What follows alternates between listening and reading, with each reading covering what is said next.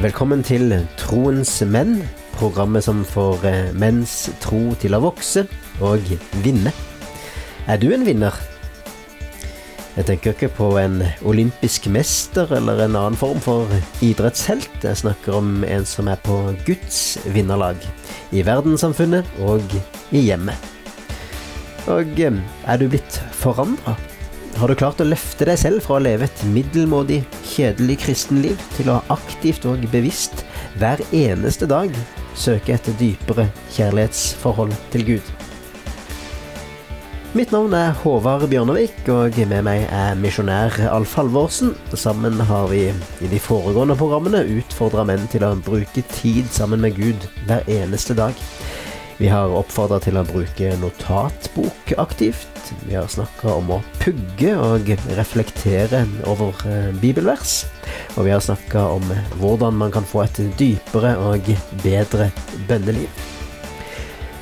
Kanskje har disse programmene forandra livet ditt. Kanskje har livet ditt, eh, selv etter at du har hørt disse programmene, fortsatt akkurat som før. Hva ligger egentlig i denne forandringen som noen opplever? Hva er hemmeligheten bak et forandra liv? Svaret på det er tema i dagens utgave av Troens menn. Så følg med oss videre. Alf, eh, allerede før vi starta dagens program, har du sagt at eh, dette er et tema som det er viktig at eh, menn får grepet om og forstår. Kan du forklare hva du mener med det, og hvorfor du sier det? Ja, vi diskuterer jo et tema fra boken 'Every Man a Warrior' av Lonnie Berger. Og vi vil jo da etter hvert ta for oss mer konkrete og praktiske utfordringer som vi menn møter på vår vei gjennom livet.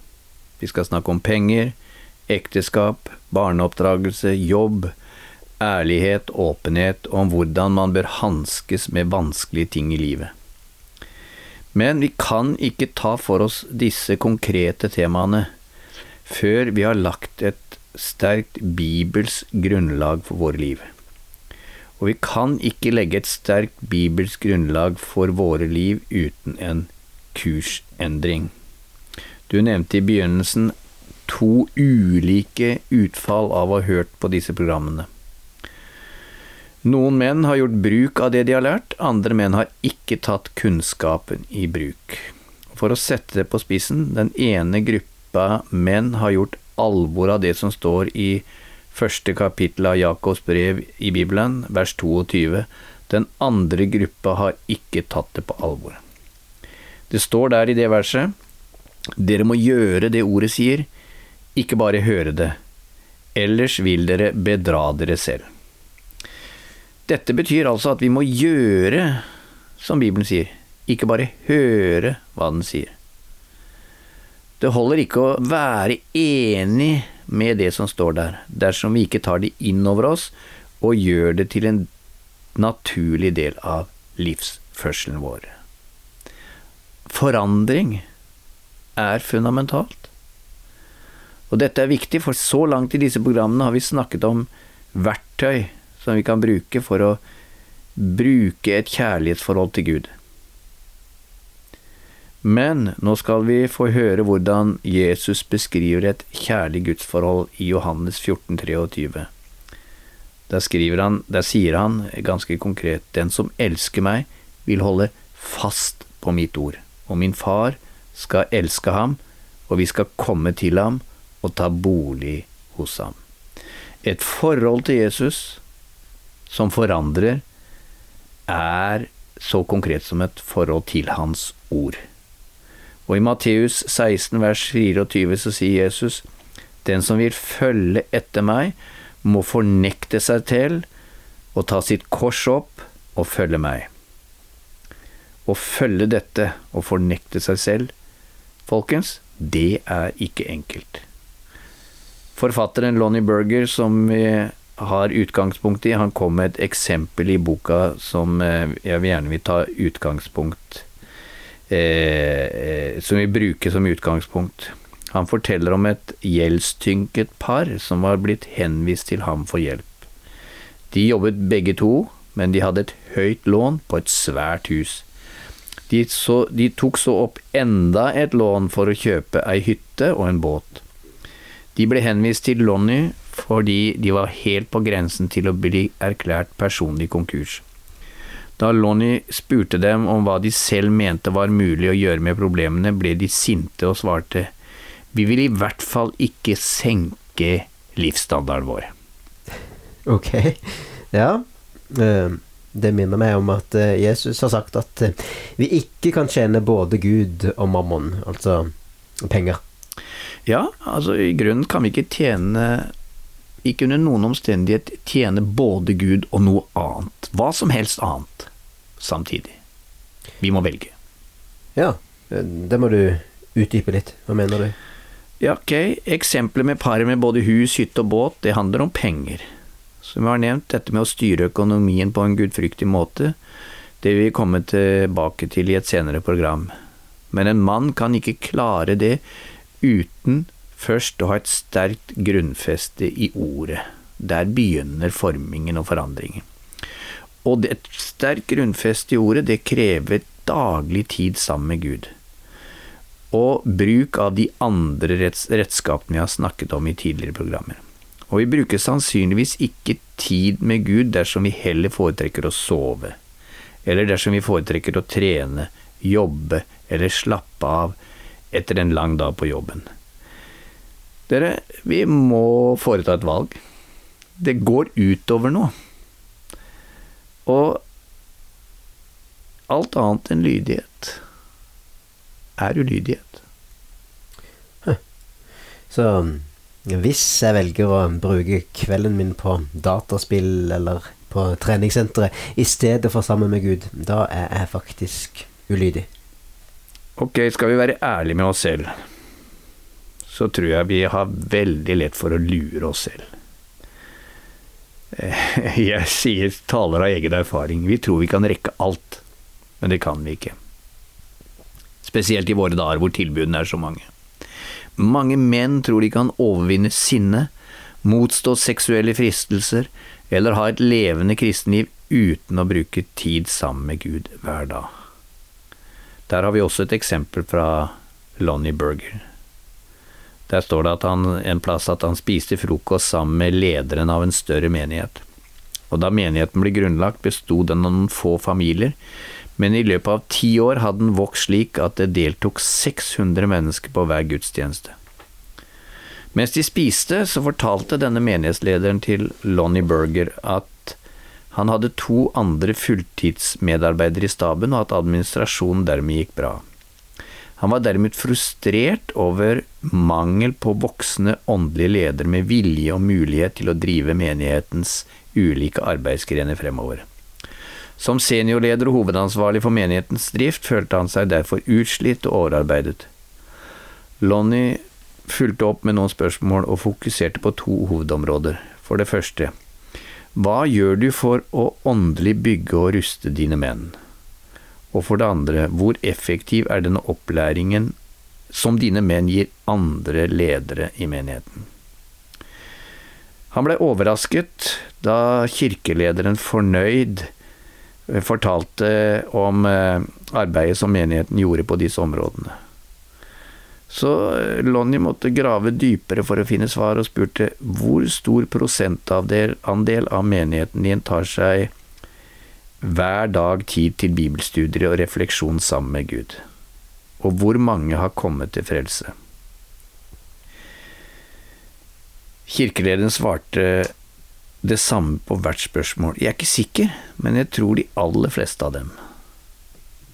Da begynte eh, Lonnie, som den som stilte spørsmålene, han begynte å ane at dette sannsynligvis ikke stemte. Det er jo et uh, utrolig bra eksempel.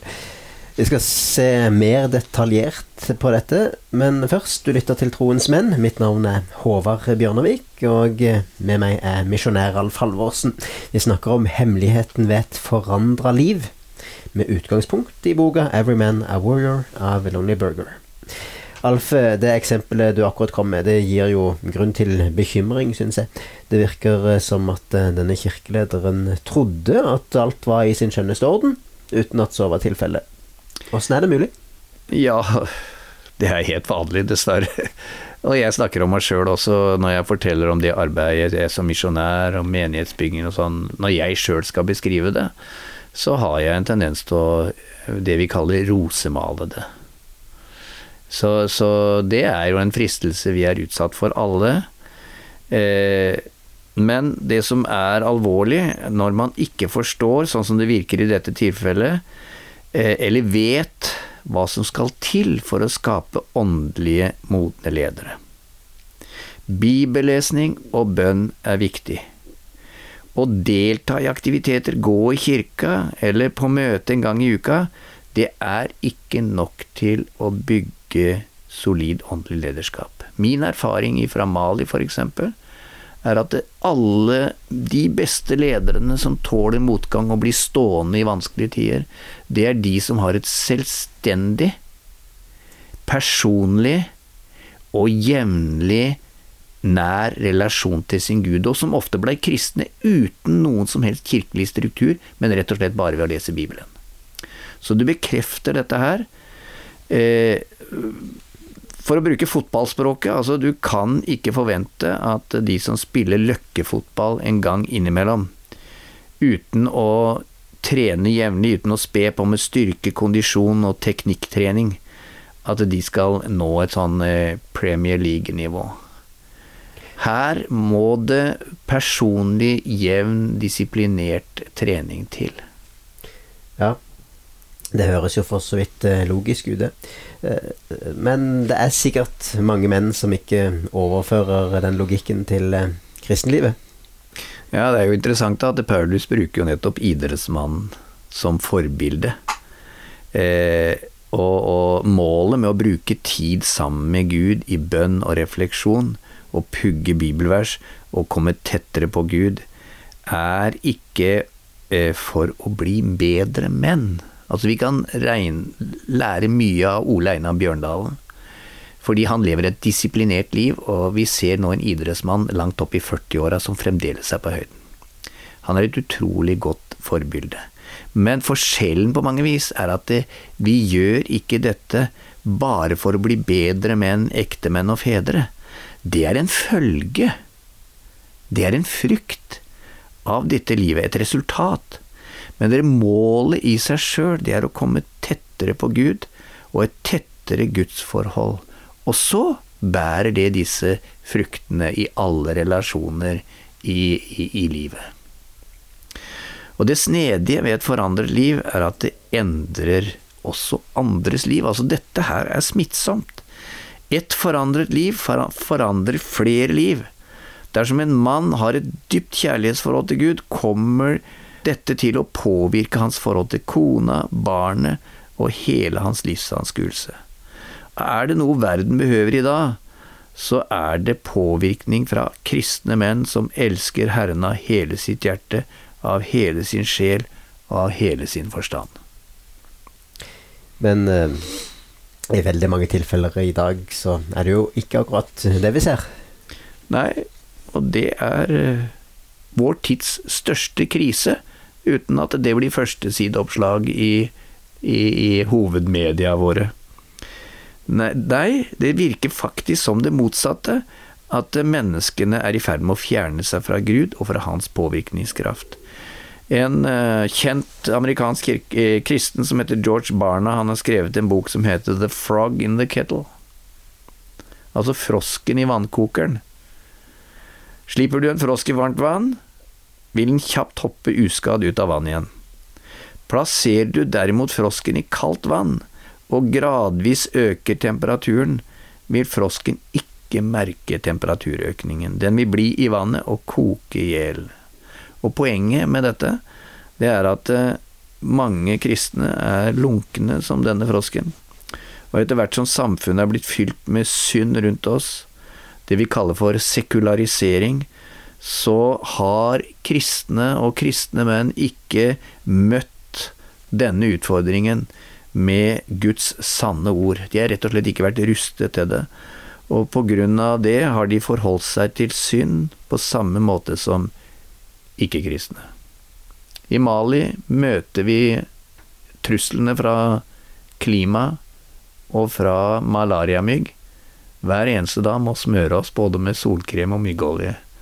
Eh, går du ut uten den beskyttelsen, ja, så er du eksponert for eh, negativ forandring. Eh, det samme som kristne i et sekularisert samfunn som vårt. Så det kan sies så enkelt som at dersom vi ikke regelmessig tilbringer tid med Gud, og dermed utvikler et dypere kjærlighetsforhold til ham, så vil våre liv ikke reflektere den forandringen som verden behøver. Kristne er kalt til å være den gode påvirkningskraften som verden trenger. I Matteus 5 så sier Jesus, dere er jordens salt. Men om saltet mister sin kraft, kan det da bli salt igjen? Det duger ikke lenger til noe, men kastes ut og tråkkes ned av mennesker. Jeg frykter at eh, vi er i ferd med å bli udugelige. Dessverre. Og sånn uh, kan vi jo ikke ha det. Nei, det kan vi ikke. Det er jo litt derfor vi har disse programmene, Håvard. Ja. og, og, og, arbeider med utgangspunkt i den boka. For som kristne menn, som menn som har kommet til tro på Jesus Kristus som vår Herre, og som derfor har et levende forhold til ham, så er det utrolig viktig. Jeg som 62-åring også gjør det jevnlig med å ta en helsesjekk. Ja, jeg måler både PSA og, og, en rekke andre målinger for å, for å sjekke hvordan det ligger. Og det må vi gjøre også på åndslivet. Det er jo ikke noe eh, spesielt med det. Og bruker vi de verktøy som skal til for å få et dypere forhold til Gud, og ruster oss, for å bruke et Paulus-ord, ruster oss til all god gjerning, da eh, står vi bedre rustet. Da kan vi møte denne tiden. Eller bare later vi som? Første kapittel i Jakobs brev er, er, sentralt i, i, dette programmet her i dag. Og der står det dere må gjøre det ordet sier, ikke bare høre det. Ellers vil dere bedra dere selv. Og leser vi hele dette verset slik at vi ser sammenhengen det står i, i kapittel 1 eh, i Jakob, eh, fra vers 20 til 25, vi må ta med det. Der står det for sinne hos et menneske fører ikke til det som er rett for Gud. Legg da av alt urent og all ondskap og ta vilje imot det ord som er plantet i dere, og som har makt til å frelse deres sjeler. Dere må gjøre det ordet sier, ikke bare høre det, ellers vil dere bedra dere selv. For den som hører ordet uten å gjøre etter det, han ligner en mann som ser på ansiktet sitt i et speil, han ser på det, går sin vei og glemmer straks hvordan han så ut. Men den som ser inn i frihetens fullkomne lov, og fortsetter med det, han blir ikke en glemsom hører, men en gjerningens gjører. Han skal være lykkelig i sin gjerning. Dere, hemmeligheten ved et forandret liv er å velge kjærlighet og underlegge seg Guds ord og ta imot Hans velsignelser. Vi må altså åpne øynene våre og se nøye etter hva som står i Guds ord. Ja. Eh, som alt annet. Vi aksepterer sånne ting på, på, andre områder, så hvorfor ikke når det gjelder gudsforholdet? Og det er derfor dette med pugging og refleksjon er en del av denne prosessen med å komme tettere på Gud. Eh, Kong David, et stort forbilde, en som blir beskrevet som en mann etter Guds hjerte, han skriver i en av sine salmer Lukk opp mine øyne så jeg kan se de underfulle ting i din lov. Og så skriver han også I hjertet gjemmer jeg ditt ord. Hvorfor? Jo, så jeg ikke skal synde mot deg. Gud vil at alle kristne menn skal gjøre disse ordene til sine. Da kan vi høste velsignelsen som vi leser om i, også av David i Salme 1. Han er like tre plantet ved bekker med rennende vann. Det gir sin frukt i rette tid, og løvet visner ikke på det. Alt det han gjør, skal lykkes for ham. Alle vil få problemer, utfordringer her i livet. For å kunne møte disse som en vinner må vi tufte livet på riktig fundament. Dette fundamentet bygger vi ved å bruke tid med Gud og Hans ord. Alf, eh, vi har nok en gang fått eh, lærerike utfordringer. Kan du gjenta hovedpoengene dine fra i dag? Ja. Jeg må minne Det var faktisk en forkynner, Anfinn Skåheim, som døde i fjor. Han, eh, Han eh, husker jeg fra en tale han sa Han siterte Lenin. Han sier 'det er praksis som teller'. Det er praksis som teller. Det er snakk om å ikke bare være ordets hørere, men dets gjørere. Og det var det som blei eh, sagt også, og som vi har fokusert på i Jakob 1, 22. Det er, ikke bare nok med å høre ordet, vi må også snakke om at Bibelen sier at dersom vi virkelig elsker Gud, vil vi føye etter hans retningslinjer, vi vil følge dem. De som lytter, kan lære mer om dette i kapittel åtte av denne nevnte boken av Lonnie Berger, Every Man a Warrior. Takk, Alf. Vi er straks tilbake.